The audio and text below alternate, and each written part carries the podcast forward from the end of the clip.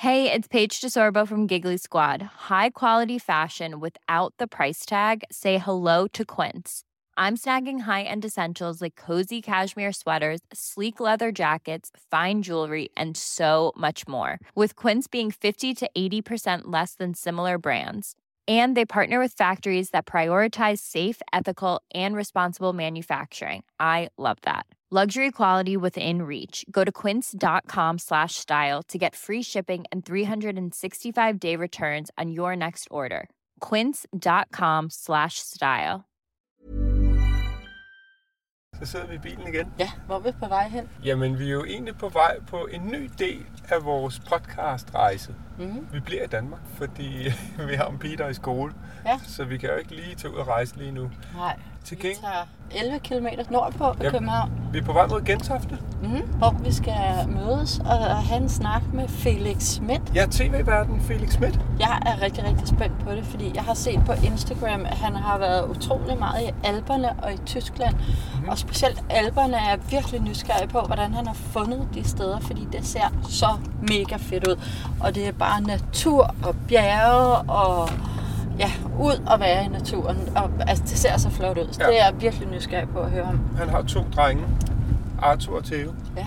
Og jeg tror, han, han sådan skiftevis tager dem hver især med. Jeg tror lige, han havde lånt en eller anden fed Porsche og var på tur. Jeg ved, kan faktisk ikke huske, hvem af dem han var afsted med, men han, så, han har været afsted med begge to, så det var nok den lille. ja. Det glæder mig også til at høre om. Og så er han begyndt at sejle. Ja, han har købt en båd. Der er Ja. simpelthen så meget med ham at rejse. Og grunden til, at vi jo tager ud og besøger ham og skal snakke med ham, det er jo, fordi vi ikke selv kan rejse så meget i øjeblikket. Vi har øjnene stift rettet mod samtlige skoleferier og glæder os til at bringe flere af vores egne rejseberetninger til jer, men tænkte, jamen lad os dog udfylde det store tomrum med andre.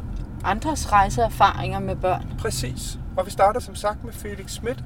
Det bliver fedt. Det bliver så fedt. Noget er dog stadig ved det samme. Det hele er stadig bragt til jer i samarbejde med 3 og deres uh, Three Like Home, mm-hmm. som jo er en uundværlig rejsepartner. Vi bruger det nu også herhjemme. Vi har jo selvfølgelig uh, tre abonnementer, og vi har lige smidt vores fastnet, internet, ud af vinduet. Det virkede ikke. Vi Jeg blev så træt af, at de ikke kunne finde ud af at reparere det, så jeg opsagde det. Ja.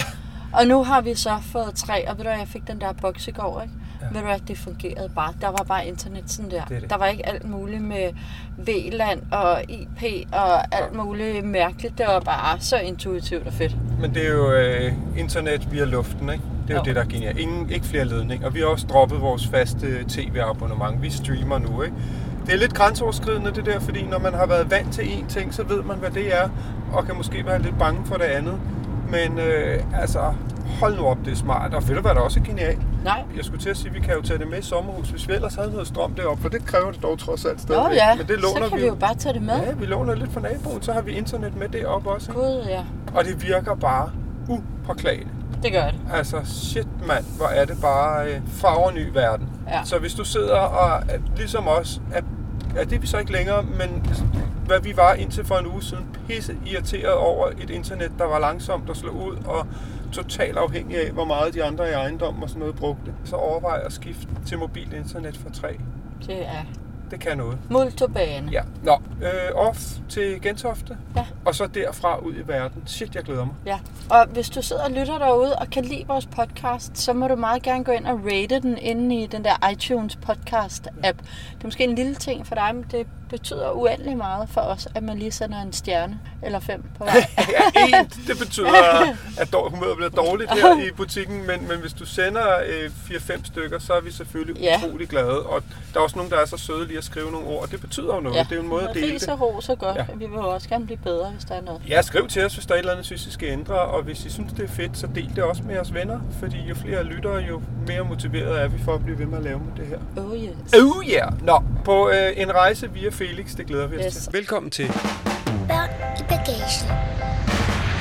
hvor vi, Pelle, Og Karoline Venegård rejser ud i verden med vores datter og kone. og deler det hele med jer. Velkommen Velkommen ombord. ombord.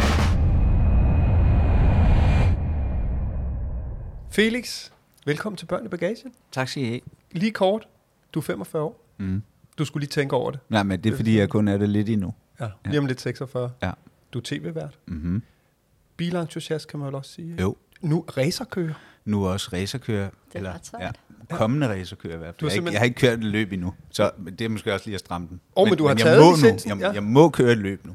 Hvor er det sejt. Ja, tak. øhm, og så har jeg også skrevet øh, bådejer. Det er jeg også blevet. Og sejler. Ja, sej, sejlsportsinteresseret. Ja, helt klart også. Nå, men det er ret nyt, ikke? Ej, det har stået på et par år siden, jeg kom hjem fra at have sejlet over Atlanten, ikke? Der blev jeg bidt af en gal båd. Du var med i det, det TV-program, hvor man sejlede over. Så der blev jeg virkelig øh, fanget af at sejle. og så har du simpelthen købt en båd siden. Så har jeg let efter en båd siden, og så fandt jeg en i foråret, og nu, øh, nu har jeg købt den og sejler i den. Ej, og jeg er vanvittigt misundelig. Altså, Karo er jo opvokset i en sejlerfamilie. Vi har sejlet hver sommer, hele min barndom. Men det kan Og jeg du jo, så kan du finde ud af det. Ja, men jeg bliver så søsyg. Jeg har ligget og kastet op for anhold til Skagen en milliard gange, altså, og Ja. har været syg i dagevis, fordi det tager, det tager lang tid at komme ud af kroppen, sådan noget søsyg. Jamen altså, man kan jo finde en båd, som man bliver mindre søsyg af. Der er jo Ja. også bådtyper, som man bliver mere søsyg af end andre. Men jeg tror simpelthen, at kroppen husker bare den der lugt af motorolie på en båd, når jeg kommer ned, så bliver jeg nærmest søsyg. Altså, jeg kan sidde inde i havnen i Christianshavn Du- og blive søsyg nærmest. Ej. Altså, men det, det der fra side til side, det sidder simpelthen i kroppen. Jeg ville rigtig gerne. Du vil, vil gerne. Min far har jo en sejlbåd, øh, som, og du har sagt så mange gange, skal vi ikke tage ud, og kan du ikke lære mig at sejle? Og, Du kan godt høre, Felix, jeg skal med dig ud og sejle. Du kommer bare med. Det er Ja. så hyggeligt. Ja, men jeg vil så sige, min er sådan en, man bliver rigtig søsyg på, fordi det er en lille bitte båd. En lille båd, der gynger. Ja, en lille båd, der gynger. Ja. Der, der, der vil jeg gerne ud og synge med dig. ja. Jeg gør lige præsentationen, er der færdig. Jeg har Mhm. ikke lavet verdens længste, men jeg synes måske også, det er vigtigt. øh, Det her det er jo en podcast, der handler om at rejse med børn. Ja. Du blev skilt for et par år siden. Mm-hmm. Øh, Du er far til Theo på 13. 14 i morgen. 14 i Så morgen. når det her bliver sendt, så er han 14. Ja. Øh, og så Arthur på 8. Ja. ja. Og, og i virkeligheden øh, bor de jo, altså selvfølgelig her hos dig, ikke? Jo. Og så bor de lige inde ved siden af også, ikke? Vi bor ved siden af hinanden, Dør. Maria er ja, børnenes mor. Skønt. Jeg har, jeg har kendt dig i snart 20 år.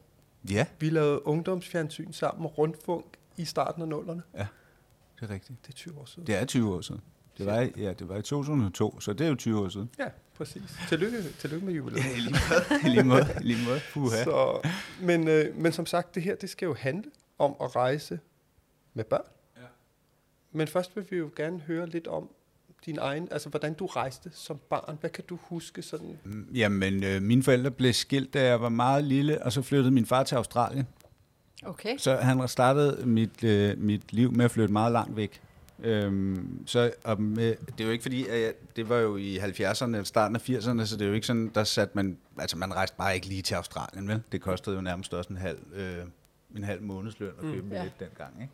Så øh, jeg havde jo en far, der boede ude på den anden side af verden, og sådan en barndom med sådan et fantasibillede af, af Australien, og af den her øh, mand, der boede ude på øh, den anden side af, af verden, ikke? Ja. Så der har altid været sådan en rejselyst og længsel og eventyrlyst i mig, som jeg tror nok er, er startet med ham. Men altså, jeg kom jo ikke med til Australien, så jeg endte hos øh, min mor og min stefar. Så min sådan, første rejseminder med dem er sådan noget med kanotur i Sverige og køre, køre selv ferie til Sydfrankrig på bagsædet af en, af en Saab. Og så da de begyndte at tjene lidt flere penge, så var det, du ved, charterrejser, og så endte de med at købe et lille sommerhus i Sydfrankrig. Og så endte min sådan, barndoms øh, ferie, inden jeg blev voksen, ligesom der Altså i Sydfrankrig. i Sydfrankrig. Du har jo taget noget af det med dig, kan man sige. Det her med at køre på ferie og sådan lidt camping. Og, Ja. Altså, det virker det til, når man kigger på din Instagram i hvert fald. Altså, jeg bryder mig ikke særlig meget om at flyve. Nej, Og det har både noget at gøre med, med sådan en restløs øh, sjæl, og at jeg, altså min hjerne bare ikke fungerer bare ikke ordentligt omkring, øh, øh, hvad hedder det, flybilletter og rejsetider og sådan noget, så jeg har simpelthen så mange øh, eksempler på, at det går galt. Og øh, nogle traumatiserede børn, der nærmest ikke vil nærme sig en lufthavn, fordi de bare ved, der er et eller andet, der, der, der, der, går ikke galt. noget. der går galt. Så familien er sådan rimelig enige om, også for, øh, for miljø og alle mulige skyld, så er der ikke nogen grund til at flyve mere end højst nødvendigt. Okay. Og øhm, det har vi sådan set øh, overholdt rimelig meget, hele børnenes barndom. Så vi, vi er helt klar til øh, at pakke bilen og den frihed, der følger med det. Og også den, hvad kan man sige, det rum, der er med sine børn i en bil, synes jeg er ret fantastisk i vores, øh, sådan i vores øh, Hvad, tid. hvad er det for en rum? Jamen, øh, det der intime rum, hvor at man er fanget på en tysk motorvej i to dage. Mm. Altså, og at man har sine børn på en anden måde, når, når man sidder tæt sammen. Øhm, og Hvordan man er det anderledes? Jamen for os er det jo noget med, at det er ligesom at køre i tog jo. Altså, øh, det, er jo, det er jo bare luksusudgaven af et tog, ikke? Men man oplever jo noget sammen, når man sidder der i bilen, og man har mulighed for at fortælle dem ting og sager om Europa og de lande og de steder, man kører igennem. Som man jo ikke har i en flyver, hvor man sidder oppe i nogle skyer og kigger på en skærm, ikke? Hmm. Så, så der er noget øh, forbundet med at køre med børnene, som, øh, som jeg synes er meget værdifuldt. Det er jo en fed måde at anskue det på. Der er mange, der tænker sådan, køre ned igennem Europa med, med børn ikke? og stress. Hvordan skal man underholde de her børn i 10 timer om dagen? Eller 10 hvor længe film man kører, downloadet ikke? på iPad'en. Og... Øh, Jamen det er jo det, der er så og- fedt ved det, er jo, at de bliver jo køresyge, hvis de sidder med de der skærme. Mine børn kan ikke sidde med en skærm i, øh, i, i mange timer i en bil, så jeg, kan, jeg har lige prøvet, øh, jeg er lige kommet hjem fra Schweiz med Arthur, hvor han kastede op ud øh, over hele instrumentbrættet, fordi han prøvede at se en film i fem minutter. Ikke? Shit. Så, så det gør de ikke. De sidder følger med og kigger ud, og så kan vi høre en lydbog, eller Ja. opdrage dem i musikhistorien, eller hvad vi nu okay. finder på. Ikke? Det er jo også krævende, tænker jeg. Og køre? Ja, eller det, det kræver jo opmærksomhed fra jer også, så, ikke? Nej, altså børn skal sgu da underholde sig selv. Det, det er jo ikke, forældre er jo ikke sat i verden for at, øh, at, at være legeonkler eller noget som helst. Nej, de skal jo lære også at være i deres eget selskab og mm. være øh, sammen med os andre, uden at blive øh, pacificeret et eller andet. Ikke?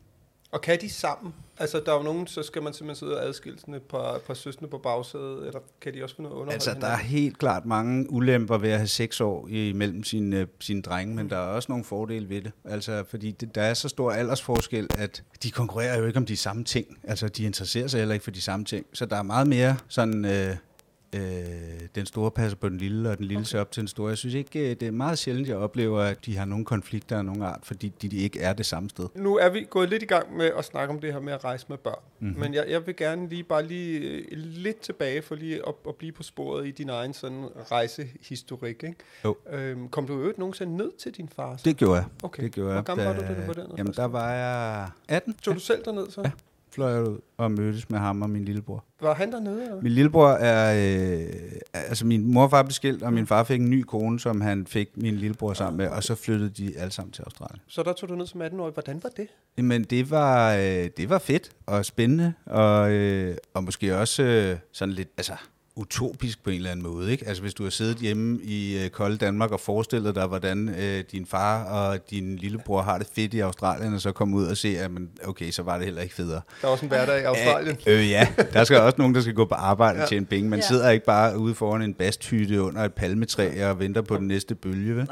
Så, så der, var, der var øh, helt klart noget, noget, noget fornuftig virkelighed forbundet med den oplevelse også. Den naive barne-illusion, den blev lidt brudt af at komme derud. Jamen, det tror jeg nu også var meget godt. Ja. Ikke? Men det har også været fint nok, at der var den illusion, øh, mens jeg var barn. Jeg kommer sådan til at tænke på Pippi Langstrømpe, der... Ja, præcis. Ja. Jamen, det var Så det, det er det forhold, du havde til din ja, ja, far, præcis. indtil du opdagede, at han ikke var en stor sørøverkaptajn, men øh, Ja. passede et arbejde. Ja, ikke? og bare havde valgt at bo et andet sted. Men det fører jo egentlig meget godt over til det her med at sige, at så bliver du øh, i hvert fald på papiret voksen, ikke? Mhm, Selv, og ja. skal selv sådan, eller har i hvert fald mulighed for at rejse. Hvad gjorde du i, i de år, virkelig indtil du fik børn? Hvordan har du rejst der?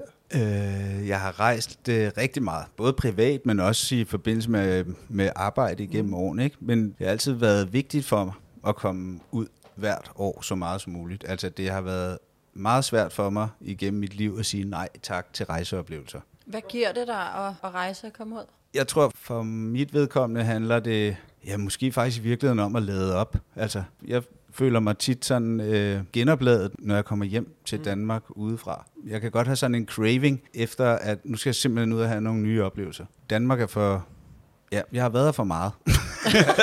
Og det er jo også meget homogent. Altså, jo, men det er så småt. Altså, når man laver sådan nogle ting, som øh, du jo også gør, øh, altså har brugt øh, hele sit voksne arbejdsliv på, på en scene, så har jeg, altså, jeg har været rundt, ikke? du har set hele Danmark. Nej, det har jeg selvfølgelig ikke, men jeg har godt nok set meget af det, og meget af det også mange gange. Så for mig handler det om at komme ud og, få, og også få lov til at være helt anonym. Er det, det er simpelthen også en del af det, det der med, at ingen ved, hvem du er. Ja, det er da altid dejligt, ja. synes jeg. Ja, altså, jeg elsker elsker at være på fornavn med, med rigtig mange danskere, men jeg elsker lige så meget ikke at være det.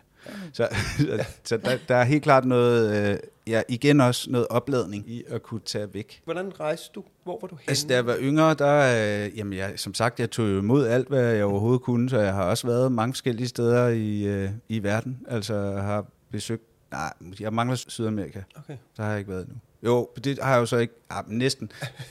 Du har, du har været Men mellem der, Amerika. der, der, mangler, der, mangler, der mangler stadigvæk noget. Men altså, de der lange, lange rejser, dem havde jeg, da jeg var ung. Der er lidt længere mellem snapsene nu, ikke? Var du på rygsækrejse og sådan noget? Jeg har både været på rygsækrejse, men jeg, og jeg har været på øh, bilferier rundt omkring forskellige steder, og øh, mærkværdige storbyer og Stillehavsø, og, og ja, alle mulige steder. Så du er ikke til sådan en type rejse? Øh, Nej. Og det lyder heller ikke som om, du bare skal ned og ligge med en pool. Det kan jeg slet ikke. Nej. Så det er ikke det, du mener med, at du skal ned og oplade? For det er der jo nogen, der tænker, nu skal jeg bare ned, skal Han jeg have mit bajer. all, all-inclusive øh, armbånd på, Ja. og så ligger vi ved poolen, og så kommer jeg hjem så brun som overhovedet muligt.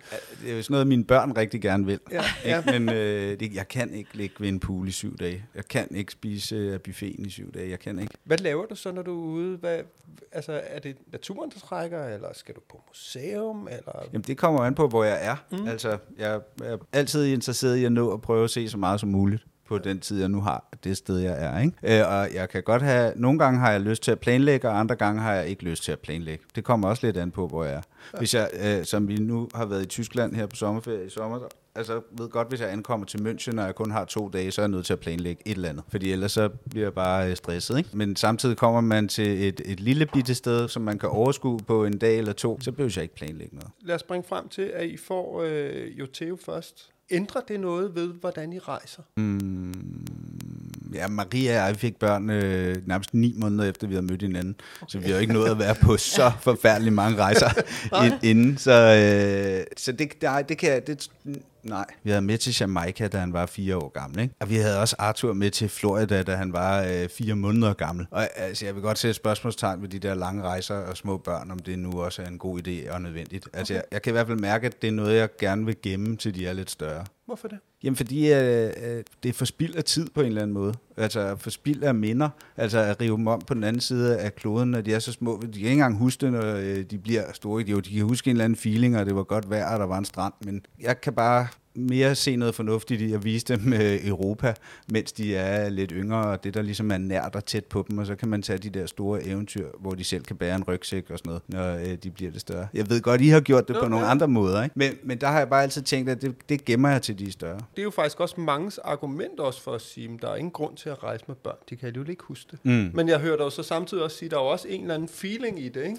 Jo jo, det er jeg slet ikke enig i, at man ikke skal rejse med dem. Jeg kan, jeg kan bare nogle gange, ja, hvorfor rejse så langt væk? Vent nu med det, til de kan få noget mere ud af det på en eller anden måde. Øh, altså, fordi jo længere væk man kommer fra Danmark, jo større er forskellen også på, hvordan vi lever. Altså, nu Theo, han øh, bliver 14 i morgen. Han begynder at nærme sig en alder, hvor det giver rigtig god mening at tage ham ud nogle strategiske steder og vise ham, hvordan verden også er skruet sammen. Fordi det kan han tage med hjem og bruge til noget i sin hverdag og i sin forståelse af, hvordan samfund og verden og forskelle hænger sammen. Ikke? Hvad kunne være sådan et sted, hvor du kunne tage ham hen og sige, det her, det skal du skulle lige se. alle andre steder end Europa, vil Ja. jeg næsten sige. Ikke? Altså alle steder, hvor at der er kontraster til det liv, han lever nu, og den virkelighed, han tror, han befinder sig i. Ikke? Så der, der kan du bruge rejsen til sådan noget dannelse. Ja, og til at proppe noget ind i hans hoved på nogle tidspunkter, hvor han har brug for det. Men jeg tror også, de der, for eksempel de der lange rejser, nu har vi også mødt nogen, når vi har været ude at rejse, som, altså, jeg tror, det længste, vi rejste, var to og en halv måned eller sådan noget. Det er jo lang tid, men det er jo ikke det der halve år, som nogen tager ud. Hvor der er jo nogle mennesker, som ligesom tager det der halve eller hele år, Mm. som jeg også tror, jeg handler meget om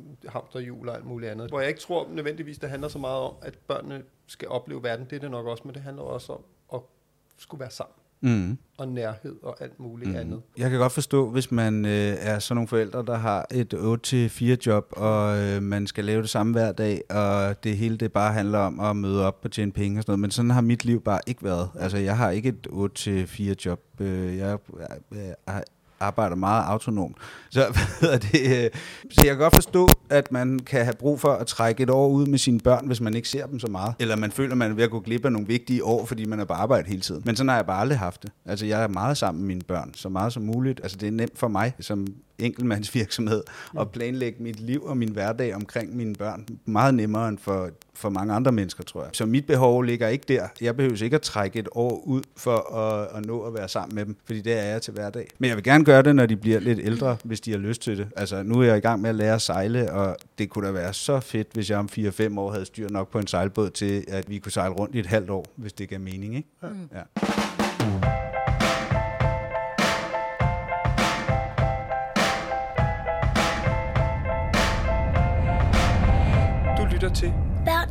bagagen. Jamen lad os prøve at dykke ned i det der sejleri, fordi det er jo en rejseform. Ja, ja. Og jeg synes også, det er en naturlig øh, forlænger af, af, hvad hedder det, kør selvferie.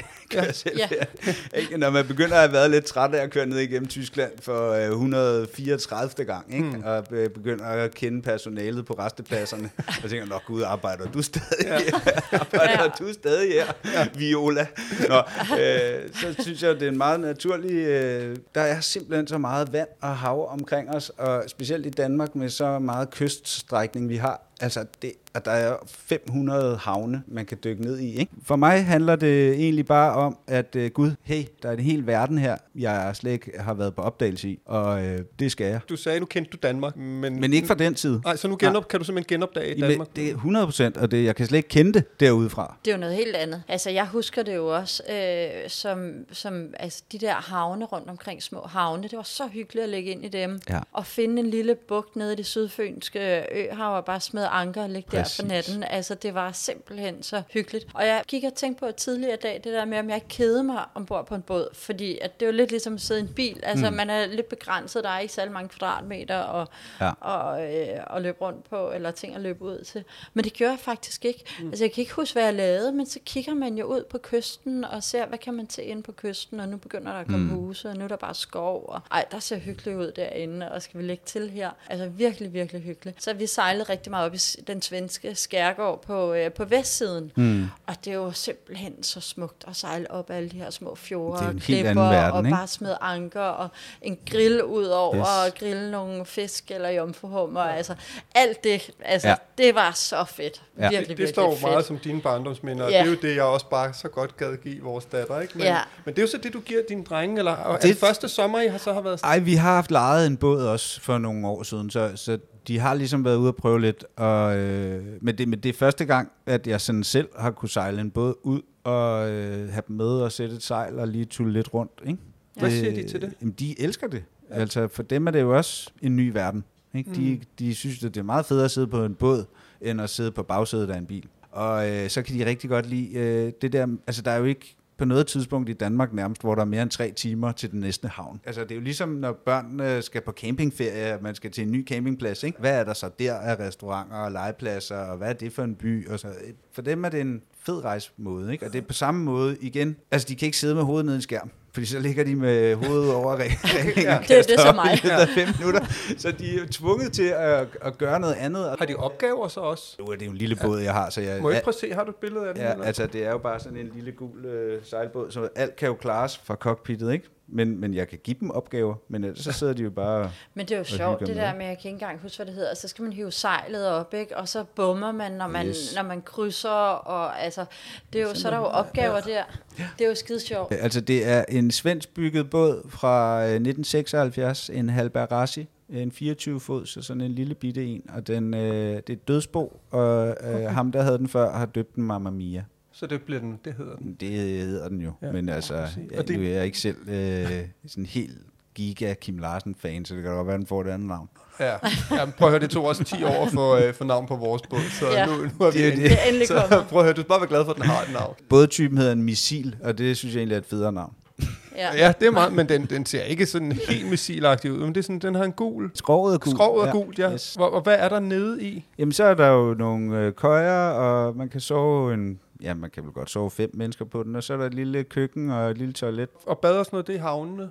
Ja, ellers er der en udendørsbrus om bagpå, Okay, så kan man bruge den. Ikke? Og ellers så bader man jo ja, i havnen. Det er jo ligesom at bo på campingplads. Altså, det er jo en flydende campingplads, sådan en havn. Ikke? Jeg er virkelig ikke ellers campingplads-typen, det skal jeg bare være helt ærlig at sige. Jeg føler mig bare ikke hjemme på en campingplads. Jeg føler mig hjemme i en havn. Jeg føler mig også meget mere hjemme i min båd, end da jeg havde en autocamper. Jeg kan ikke forklare det, men der, der er en anden hjemlig følelse over båden for mig end over autocamperen. Den er jo også lettere at komme afsted med, ikke? Altså i forhold til, nu prøvede vi at køre autocamper i USA, ikke? Det skal jo pakkes sammen, og altså, der er en masse praktisk, inden du ja, ligesom ja, flytter den, det er ikke? rigtigt. Det tænker jeg altså også, der er med, med en båd. Jo, men den der ligger bare sejlklar. Ja, ikke? Altså, okay. det gør den fra, øh, fra 1. Hopper du bare ned og så april, og så indtil 1. november, så er den bare klar til at sejle. Ikke? Jeg tænker, må, må vi låne det her billede, for Ja, så ja. kan vi lægge det op Ja. på vores øh, børn bagagen Instagram, så man lige kan komme ind og se din Og fine igen, båd. prøv, den kostede 5.000 kroner. Det kan vi jo ikke engang holde ferie en uge for. Øh, ellers. Så, nu- så, så for 16.000 kroner fik vi en sejlklar båd med sejl og bare plug and play. Ikke? Jeg ville jo egentlig gerne have optaget det her på båden, men det er noget med, den ligger nede ved...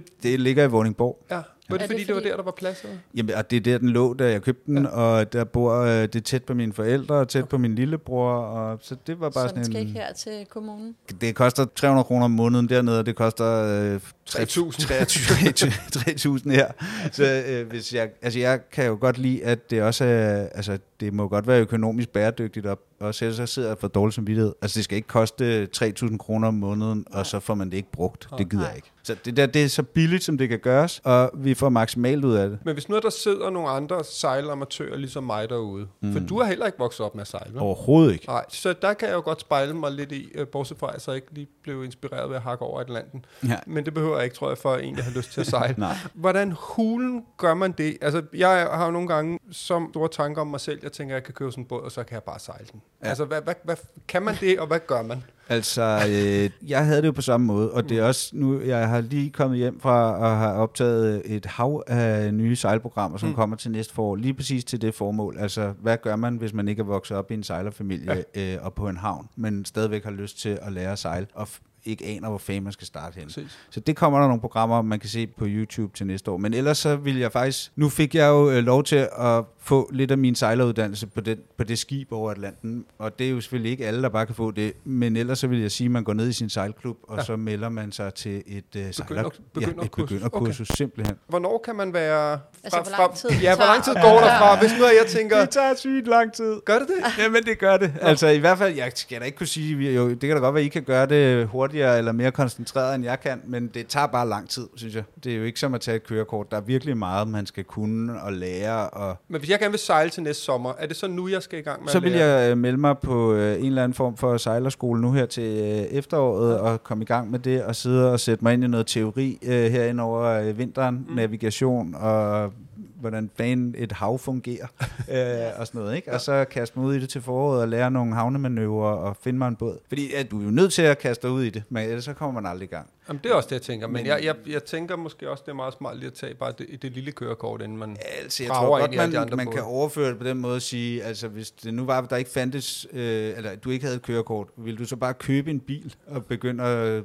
bare lære at køre? Eller ville du lige sætte dig ned med nogen, der havde kørt bil først? Det er rigtigt, jeg var 10 år, der sad min mor der trods alt ved siden af, da jeg kørte bil første gang. Præcis, Så, så, øh, Ja. ja. Allier dig, allier dig med en sejlklub og, ja. øh, og tage et kursus. ja, og så afsted. Og det er en fed måde også at rejse med sine børn. Kan Det vil jeg sige, Ja. ja. ultimativt fed måde. Og plus, du kan jo, når du først har styr på det, så kan du lege sejlbåd i hele verden. Du kan jo lege en sejlbåd øh, alle steder, hvor der er et hav. Det er jo også noget af det, jeg går og glæder mig til, når jeg er dygtig nok til at øh, bare kunne tage dem til Grækenland, og så lege en båd og sejle rundt øh, mellem de græske øer, for Ja. eksempel. Ikke? Så det står som rejsemål nu? 100 eller? og Kroatien og sådan noget, ikke? Ja. Ja. Men nu, jeg skal lige have lidt mere erfaring. Og har du så, nu sagde du det der med at sejle et halvt år, altså er det så også den der, hvor man så stævner ud og siger øh, Kronborg om bagbord, eller hvad hulen der er, de, de synger, og så bare afsted? sådan som jeg har det lige nu, så kunne jeg rigtig godt tænke mig, når de lige var, eller i hvert fald når Arthur lige er blevet lidt større, og så flytte i en meget mindre lejlighed, end jeg bor i nu, og så øh, bruge pengene på en båd, og så bo øh, så meget som muligt på den, og gøre mig klar til, at jeg en eller anden dag kan sejle langt væk. Det er sådan, jeg har det nu. Men det kan jo godt være, at det ændrer sig. Even when we're on a budget, we still deserve nice things. Quince is a place to scoop up stunning high-end goods for 50 to 80% less than similar brands. They have buttery soft cashmere sweaters starting at $50, luxurious Italian leather bags, and so much more. Plus, Quince only works with factories that use safe, ethical, and responsible manufacturing. Get the high-end goods you'll love without the high price tag with Quince. Go to quince.com slash style for free shipping and 365-day returns. Imagine the softest sheets you've ever felt. Now imagine them getting even softer over time. That's what you'll feel with Bowl and Branch's organic cotton sheets. In a recent customer survey, 96% replied that Bowl and Branch sheets get softer with every wash. Start getting your best night's sleep in these sheets that get softer and softer for years to come. Try their sheets with a 30-night guarantee. Plus, get 15% off your first order at bowlandbranch.com. Code BUTTERY. Exclusions apply. See site for details.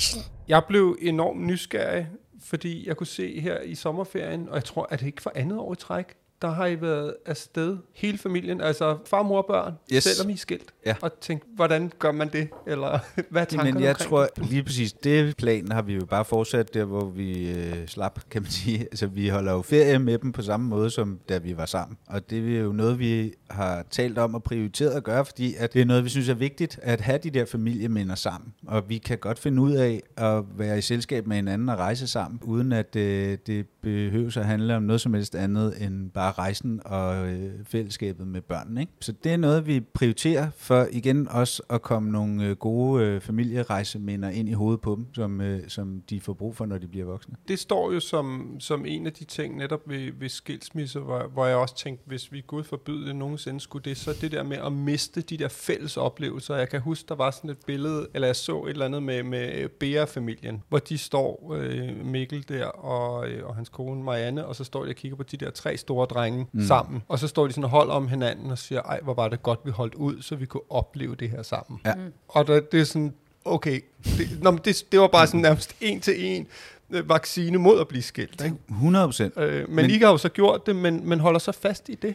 Ja, altså det skal jeg jo ikke kunne sige, Nej. Men som, det er jo i hvert fald det, vi gør lige nu. Nu må vi jo se, på et eller andet tidspunkt er der jo sikkert nogen, der får en ny, ny partner eller et eller andet, så jeg ved jo ikke, hvad fremtiden bringer Så tager I mig. alle sammen For min skyld gerne. ja. altså, øh, Ja. ja. Men det, det må vi jo se. Jeg forestiller mig, at vi nok, det kan da godt være, at vi ikke kommer til at holde alle ferier sammen, mm. øh, alle sammen ude i fremtiden, men at jeg håber da, at vi stadigvæk kan blive ved med at have nogle rejseminder sammen. Ikke? Hvorfor er det vigtigt egentlig? Jamen det synes jeg da bare er vigtigt, fordi at vi jo godt kan, altså vi er jo familie jo, og det er vigtigt, at drengene får nogle oplevelser sammen med deres forældre, og også gerne øh, får nogle eventyr og nogle, ja igen, jeg synes jo, ferier er en enestående mulighed for at præge sine børn og vise dem verden og være sammen med dem på nogle andre måder, end man er i hverdagen. Og øh, det tror jeg, Marie har det på samme måde, så det vil, det vil vi bare gerne stadig holde fast i. Og det er samme med jul og fødselsdag holder vi sgu da også sammen. Altså. Mm. Ja, men du, når du siger det, som om det er en selvfølge. Det tror jeg bare ikke, det er for ja, alle det er selvfølgelig ikke for, for alle, og øh, det er jeg helt med på, men det er jo dejligt, hvis man kan nå at komme et sted hen, hvor man kan sætte sig ud over sin egne, øh, hvad hedder det, øh, ja, uenigheder. Ikke? Ja. Jo. Vi kan sagtens finde ud af at have, have det hyggeligt og have det sjovt sammen, uden at vi bliver uvenner eller noget. Så. Igen, det er jo, jeg kan jo ikke give et, øh, det er jo ikke sådan et råd, man kan give videre og bare tage afsted. Altså, nogen kan, og nogen kan Ja. ikke. ikke? Jeg tænker jo også, det er jo også et eller andet sted et valg, man tager i processen. Altså, vil vi fortsætte som venner, og Ja. vil vi tage på nogle rejser? Det er jo, altså, det er jo et valg, man et eller andet sted tager, ja. en prioritering, man laver. Det her, det er vigtigt for mig, at, at vi kan være sammen som familie. Altså, der kan jo være alle mulige årsager til, at det måske ikke er så let for nogen. Who 100, knows? og der opstår alle mulige Ja. udfordringer undervejs i, i sådan et liv, det er jo klart. Men nu har vi jo valgt at bo på den måde, vi gør. Vi bor dør om dør, og vi prøver at dele så meget, vi nu kan holde ud. Ikke? Jeg tænker, det er super fedt for jeres drenge. Det tror jeg også, at de synes. Ja, Eller, det altså synes jeg de. kan huske, at mine forældre var skilt, og jeg kan huske, at jeg ønskede da tit, ej, kan vi ikke holde jul sammen, eller bare de kunne sidde i samme stue. Altså det kan jeg huske som sådan et håb. Ikke nødvendigvis det der med, at de skulle finde sammen, bare det der med, at de kunne være sammen. Hmm. Så altså, når man så bliver skilt, må det da virkelig være den allerfedeste måde for børn. Ja, altså jeg ved ikke, øh, nu skal det jo ikke handle om, det er jo ikke et Nej, nej. men det er bare, nogle gange kan man jo, altså nu har vi jo taget en beslutning om, at det er sådan, det skal være, og vi kan godt finde ud af, at øh, når vi så er sammen fælles med børnene, at så øh, er det bare det, det handler om. Hvordan rejste de sammen her i sommer? Jamen, som vi plejer, øh, i bil afsted pakket, og øh, så nu kunne vi bare konstatere, at alle rejste langt sydpå, og det var meget varmt at Ja. ja. kigge på. Og så tænkte vi, vi gider ikke øh, at tage derned, for øh, øh, vi, så vi tog rundt i Tyskland på roadtrip, og øh, valgte at se fire forskellige øh, delstatshovedsteder, tullet rundt i et nærmest mennesketomt øh, Tyskland i juli måned, fordi alle var rejst til Mallorca. Og Men, hvordan, jeg bliver enormt nysgerrig på, hvordan finder, finder I ud af, hvor I skal hen? Lige præcis Tyskland. Altså, jeg laver nogle øh, rejsevideoer for Momondo, så øh, jeg, og det her gjorde jeg sidste sommer, og den her sommer, hvor at, øh, jeg bliver sendt rundt og besøge spændende steder i Tyskland. så jeg havde faktisk lige været afsted måneden inden alene at optage film, og der kan man jo sige, det er jo, jeg har jo været på research ja. på den måde, og Ja. Fundet nogle fede byer, som jeg vidste, de ville synes var spændende, og så havde Marie også nogle ønsker, som hun gerne ville, og så satte vi bare en rute sammen og tog afsted. Når I så kører, hvor langt er jeres længste stræk, ligesom I siger, det her, det, så kan vi ikke køre længere? Altså, vi kører aldrig mere end ja, 6 timer på en dag. Okay. Fordi det er jo ikke sjovt. Nej. det er ikke For sjovt nogen. for nogen. Nej. Vel? Og så øh, booker vi bare øh, hotel. Og nogen, noget har vi planlagt på forhånd. Altså, hvis vi godt ved, at vi vil være i Hamburg mm. i tre dage, så kan det godt betale sig at sætte sig hjemmefra og finde et fedt hotel eller Ja. ja. et eller andet. Ikke? Men ellers så er det bare med booking.com åben, og så øh, bare finde last minutes. Så sidder der en Hoteller. på, på passagersædet bare og så finder vi ja. bare det hotel, der ligger tæt på, og som ser hyggeligt ud. Og Ja. ja. har I lyst til en pool? Ja, det vil vi gerne. Det er godt. Så finder vi et hotel med en pool, og så kører vi derhen. Og hvor lang tid har I så noget... Altså, vi har i hvert fald oplevet med, med corona, nu er hun blevet meget vant til at rejse, men, men især sådan i starten, og, og i virkeligheden også for en selv, mm. der vi kan godt lide at være et stykke tid Mm. på stederne. Ja.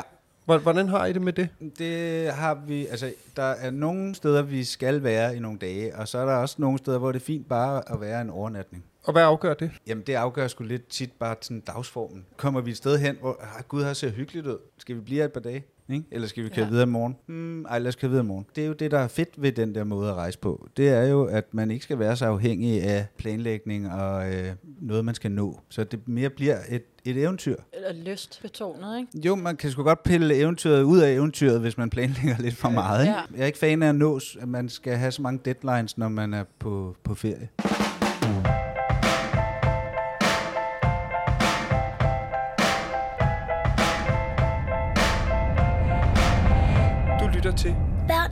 Bagagen. Hvor lang tid kører du rundt i Tyskland? Øh, 10 dage, tror jeg. Okay. Ja. Det er jo sådan en destination for mange, at Tyskland skal man bare igennem. Heldigvis må man køre hurtigt, så man kan komme forholdsvis hurtigt igennem. Ja.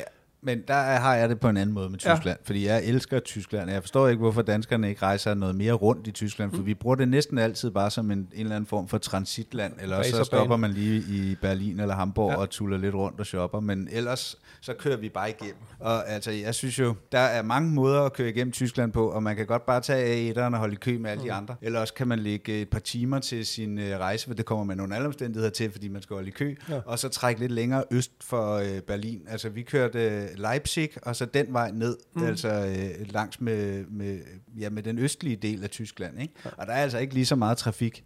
Og øh, jeg er øh, jo født i 70'erne, og øh, ligesom jer. Så jeg er mega, øh, hvad hedder det, østblok interesseret. Jeg synes alt med Stasi og hvad hedder det, øh, hvad, alt, alt, alt før øh, murens fald er mega spændende. Ikke? Ja. Og, og der er bare virkelig øh, mange historiske rester i øh, den østlige del af Tyskland, som jeg synes er spændende at fortælle børnene om, og som skiller sig enormt meget ud fra øh, den vestlige del af Tyskland. Og det er jo både øh, arkitektur og øh, hvad hedder det, byplanlægning og alt muligt, der kan være anderledes i den østlige del af, af Tyskland. Hvor den vestlige del minder bare om Danmark, og det er det, vi er vant til at se. Ikke? Mm. Men lige snart du trækker lidt længere østpå, så er der øh, mindre trafik på vejene, og byerne ser anderledes ud, og maden er anderledes, og folk er anderledes. Er der nogle byer dernede, du kan pege på og sige, prøv at høre, stop der? Ja, men altså nu tog vi øh, selv og, og havde Leipzig i, øh, inde på, øh, på kortet. Og Der, det var jo engang den nærmest største by i, øh, i Østtyskland, ja. så den er jo mega, mega fed.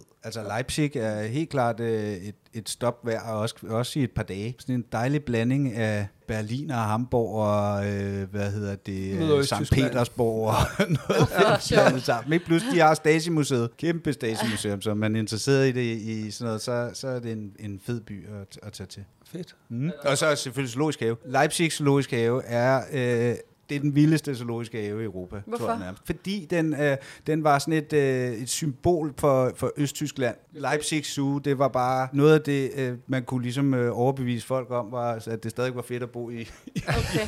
i Østtyskland. Fordi, Nå, ej, men den er bare fantastisk. Okay. Jeg tror, jeg har læst et eller andet med, at de fik nogle øh, mærkelige dyr importeret tilbage i gamle dage. Ja, Den er meget gammel. Ja. Øh, så ja, det er, der, jeg tror faktisk Okay. også, de havde mennesker udstillet. Men det er en Ja. anden snak. Okay. Men, øh, Ja, nogle mærkelige dyr. yes. Ja. Men den er bare virkelig fantastisk og en fed by, så øh, der skal man se til. Fedt. Er der nogle små steder, som man ikke vil finde, hvis man ikke lige øh, hørte det fra dig? Altså, Braunschweig, Braunschweig, Erfurt, vi var i Erfurt i sommer også, den er, den er heller ikke så stor, og er også bare et virkelig, virkelig vidunderlig lille by, som også har været meget rig i middelalderen engang, og den er bare, den, den er ikke, den blev ikke bombet på samme måde okay. under 2. verdenskrig, som mange andre dele af Tyskland, så den står bare rimelig, der er ikke så mange steder i Tyskland, jo, der er masser, hvor der stadig er gamle huse, men de er alle sammen genopbygget, ikke? Fordi alt var jo lagt i ruiner, men Erfurt, der er stadigvæk øh, sådan den der vibe af gamle, gamle dage. Det var der Martin Luther, øh, han var i kloster, og fandt ud af, at han ville reformere kristendom. Og det var der, I boede, kunne jeg læse på Instagram. Vi, der fandt på vi det så et, øh, et, øh, et pensionat, et katolsk kloster i Erfurt driver, ikke? Så kunne man ligesom lege et værelse der billigt. Så bor Og vi sidde og tænke over kristendom og livet? Og... Ja, ja, og fortælle folk, børnene lidt om det. Hvordan fandt du den by? Uh, Erfurt var også øh, en, som jeg har været i før med, med de her rejseprogrammer, jeg laver. Så, Okay. så du ved, nogle gange så fornemmer man bare med det samme, når man kommer ind i en ny by, om det er, øh, om det er noget, eller det ikke er ja. noget. Og den var bare, ja, den er bare fantastisk. Jeg synes jo, at små byer er hyggelige. Hvis, altså, jeg synes, det er dejligt at kunne få en god kop kaffe, og der er lidt liv, ikke for meget, og det må godt være sådan lidt små gader og nogle hyggelige Ja. pladser, og det er jo en hyggelig by for mig, og noget kultur og historie. Yes. Er det, er det sådan?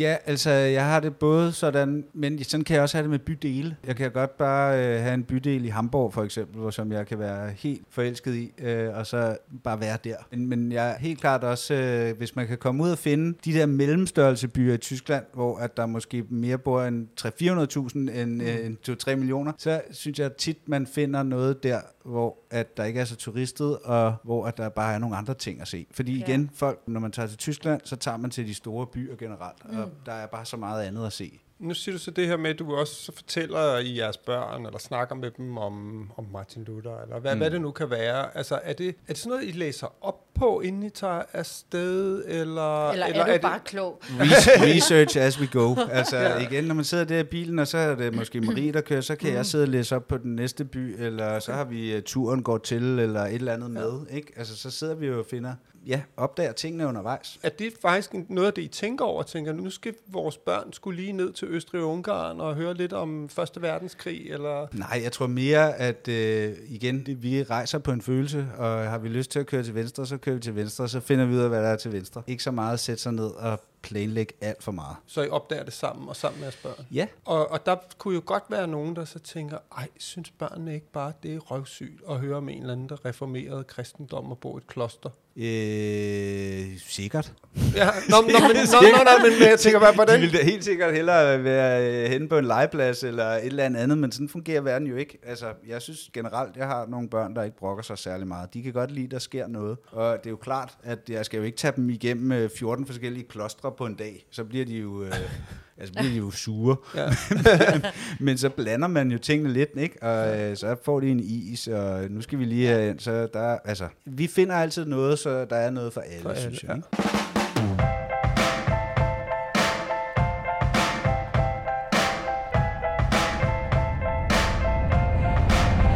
Du lytter til. Børn i bagagen. Jeg synes, jeg har lagt mærke til, at du også tager afsted med drengene hver for sig. Mm. Det kunne jeg godt tænke mig lige at høre om, for det synes jeg sgu egentlig er ret sjovt. Altså, jeg har lige været afsted med Arthur her, da han blev 8, fordi jeg, da Theo han blev 8, der var jeg også afsted med ham mm. alene, sådan på en, en længere roadtrip-tur for første gang. Bare mig og ham. Altså far og søn-tur. Og jeg synes, sådan 8 år, det er et godt tidspunkt. Hvorfor? Jamen, så er de lige startet i anden klasse og sådan noget, så man har lige fået lagt øh, barndommen lidt mere bag sig. Og så er det bare et meget godt tidspunkt at lige øh, sidde og bruge lidt tid, bare far og søn.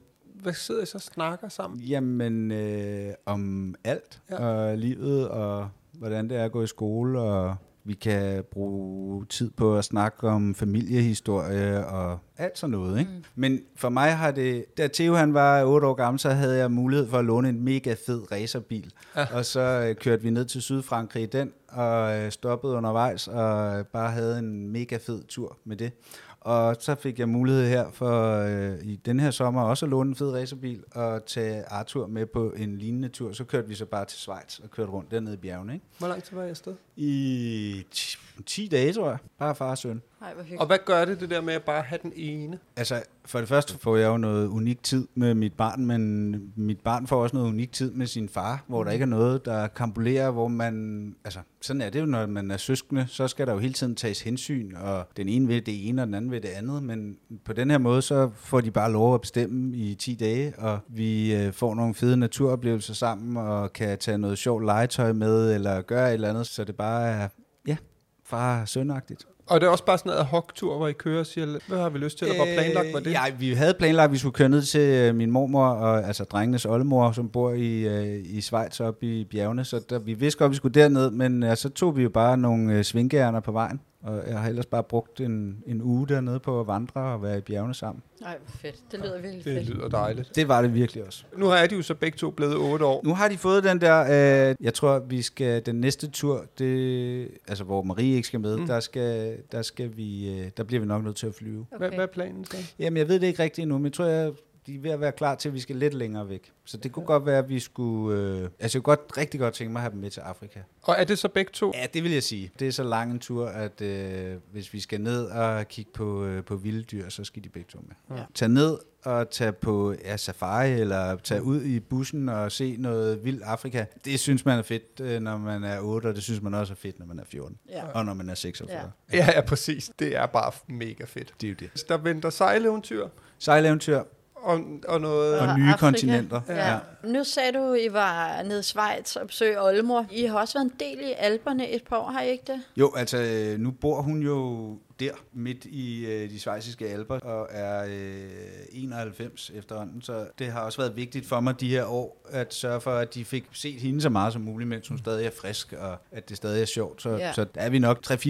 gange om året, at vi er nede og besøge hende. Og Der ser ud til at være vanvittigt smukt. Altså, jeg har kigget på nogle ja. af dine billeder og bare mm. tænkt, der gad jeg godt at vandre og løbe ned ad bakkerne og op ad bakkerne med Okona. Det ser, altså Alperne om sommeren, det ja. har jeg aldrig prøvet, det vil jeg så gerne. Jamen, jeg forstår heller ikke, hvorfor der ikke er flere, der gør det. Det er en af de få sådan ting, hvor vi alle fire er fuldstændig aligned og helt mm. enige om, og vi gider altid at vandre, og vi gider altid at tage op på et bjerg. Både sommer og vinter. Ja. Så den har vi bare som sådan en fælles ting, og det, hvis ikke vi kommer afsted, så, øh, så er alle lidt kede af det.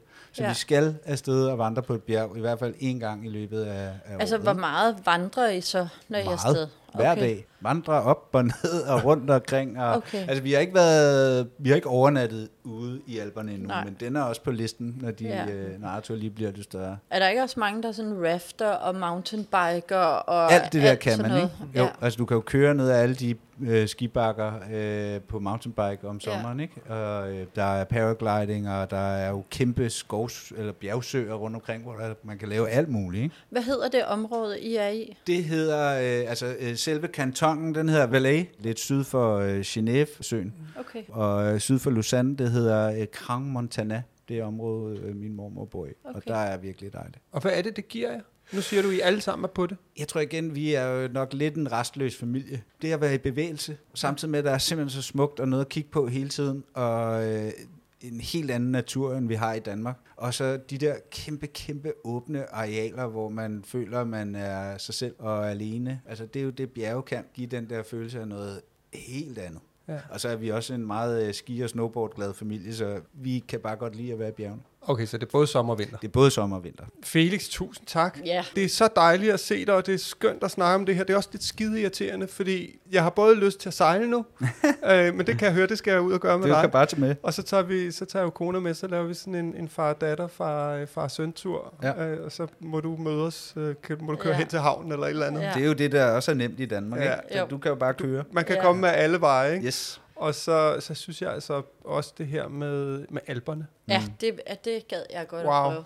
Og så tage toget, altså tage toget fra Københavns Hovedbanegård til, ja, nærmest øh, ned til den by, hun bor i. Og det okay. er jo bare en smuk, smuk tur. Så det er bare Ja. nat- eller Så aftentoget. skifter du ned i Hamburg. Du kan både tage enten, fa- faktisk har København, jeg tror, den, der er en rute nu, så du kan tage afsted fra København kl. 7 om morgenen, og så være øh, ankommen dernede på bjerget omkring kl. 7 om aftenen. Ikke? Gud, Så du har en 12 dagstur. Ikke? Og så pisse Gud, hvor flot, fedt. ikke, når du rammer yes. alberne. Og så er det jo super billigt at rejse med tog. Jamen ved du hvad, Ja, øhm, det råd er givet videre til os og til, til lytterne. Der er ikke nogen idé i at tage en bil med op i alberne. Der skal man alligevel ikke bruge den. Nej, der bruger man sin fødder. Yep. Tusind tak, Felix. Selv, Og, Tak, Felix. og fortsat god, øh, god tur derudad. lige måde.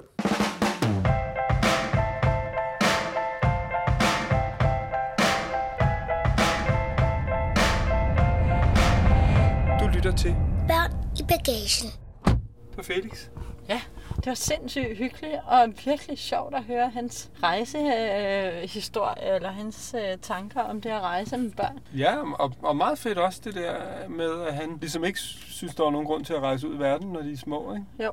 Altså, det var jo sådan lidt, øh, lidt modsat af os, kan man sige. Ja. Jeg tror stadig faktisk på, at det giver noget, selvom de ikke nødvendigvis kan huske det, men at der forplanter sig nogle ting. Altså, at deres verden bliver gjort større ved det, selvom Ja. de måske ikke kan huske det. Men Ja. altså, det, er jo- det, er jo, det er jo fair nok, og det skal folk jo bare selv Og det er jo også, hvad man er til som forældre. Ja, præcis. Altså, Og det er jo fint, og det er jo det, er jo det der er fedt med, øh, at tilgangen til det at rejse med børn kan være meget forskellig. Men han rejser dog med sine børn og har gjort det, og synes jo virkelig, det giver noget. Ikke? Jo. Og jeg tror, noget af det, som vi jo også søger, når vi rejser langt væk, er jo også den nærhed, det giver i at være sammen. Mm. Ikke? Og det, Mm. det er fuldstændig rigtigt. Det kan man også få, når man bare kører til Tyskland, eller hvad han nu ellers øh, Ja. er glad for. Ikke? Ja. Og så bliver det fedt at følge med i det der sejlereventyr. Der vil jeg virkelig sidde på sidelinjen. ja, og, det gad du godt. Ja, det- jeg tror, jeg skal et smut ud med ham, og så tager jeg Ja. kona med, ikke? Det Så, være fedt. så må du komme cyklerne, Ja. eller hvad du finder på. Ej, det var sgu en fed snak. Han er så sød, Felix. Ja, det er han altså. Så tak til ham, og samtidig selvfølgelig også tak til Tre for at være samarbejdspartner på den her podcast. Det er så meningsfyldt, Det er det. og fedt, de stadig er med nu her, hvor vi, hvor vi på en eller anden måde bliver i Danmark, men tager ud i verden via andre. Mm. Næste gang skal vi afsløre, hvem der kommer. Det. Og Nej, den skal hænge. den skal hænge. Den En skal skøn- hænge. skøn- Det glæder jeg mig også virkelig meget til. Skøn kvinde. Ja, skøn, skøn kvinde, så har vi ikke sagt for meget. Det Nej. kan være mange. det kan være rigtig mange. Hun har krøller, Ja. og hun er... Hun er bare fucking sej. Ja, det er hun. Pardon my French, men Ja. det er hun. Jeg glæder mig til at møde hende. Klog, smuk kvinde. Og I er alle sammen vokset op til hendes stemme. Med mindre I har boet i en jordhul. Nå, la vista. Vi ses. Hej. Du lyttede til Børn i Bagage, og du kan finde billeder til dagens afsnit inde på vores Instagram. Børn i bagagen. Tak fordi du lyttede med. Håber du vil med igen næste gang. Vi ses. Even when we're on a budget, we still deserve nice things. Quince is a place to scoop up stunning high-end goods for 50 to 80% less than similar brands. They have buttery soft cashmere sweaters starting at $50, luxurious Italian leather bags, and so much more. Plus, Quince only works with factories that use safe, ethical, and responsible manufacturing. Get the high-end goods you'll love without the high price tag with Quince. Go to quince.com slash style for free shipping and 365-day returns.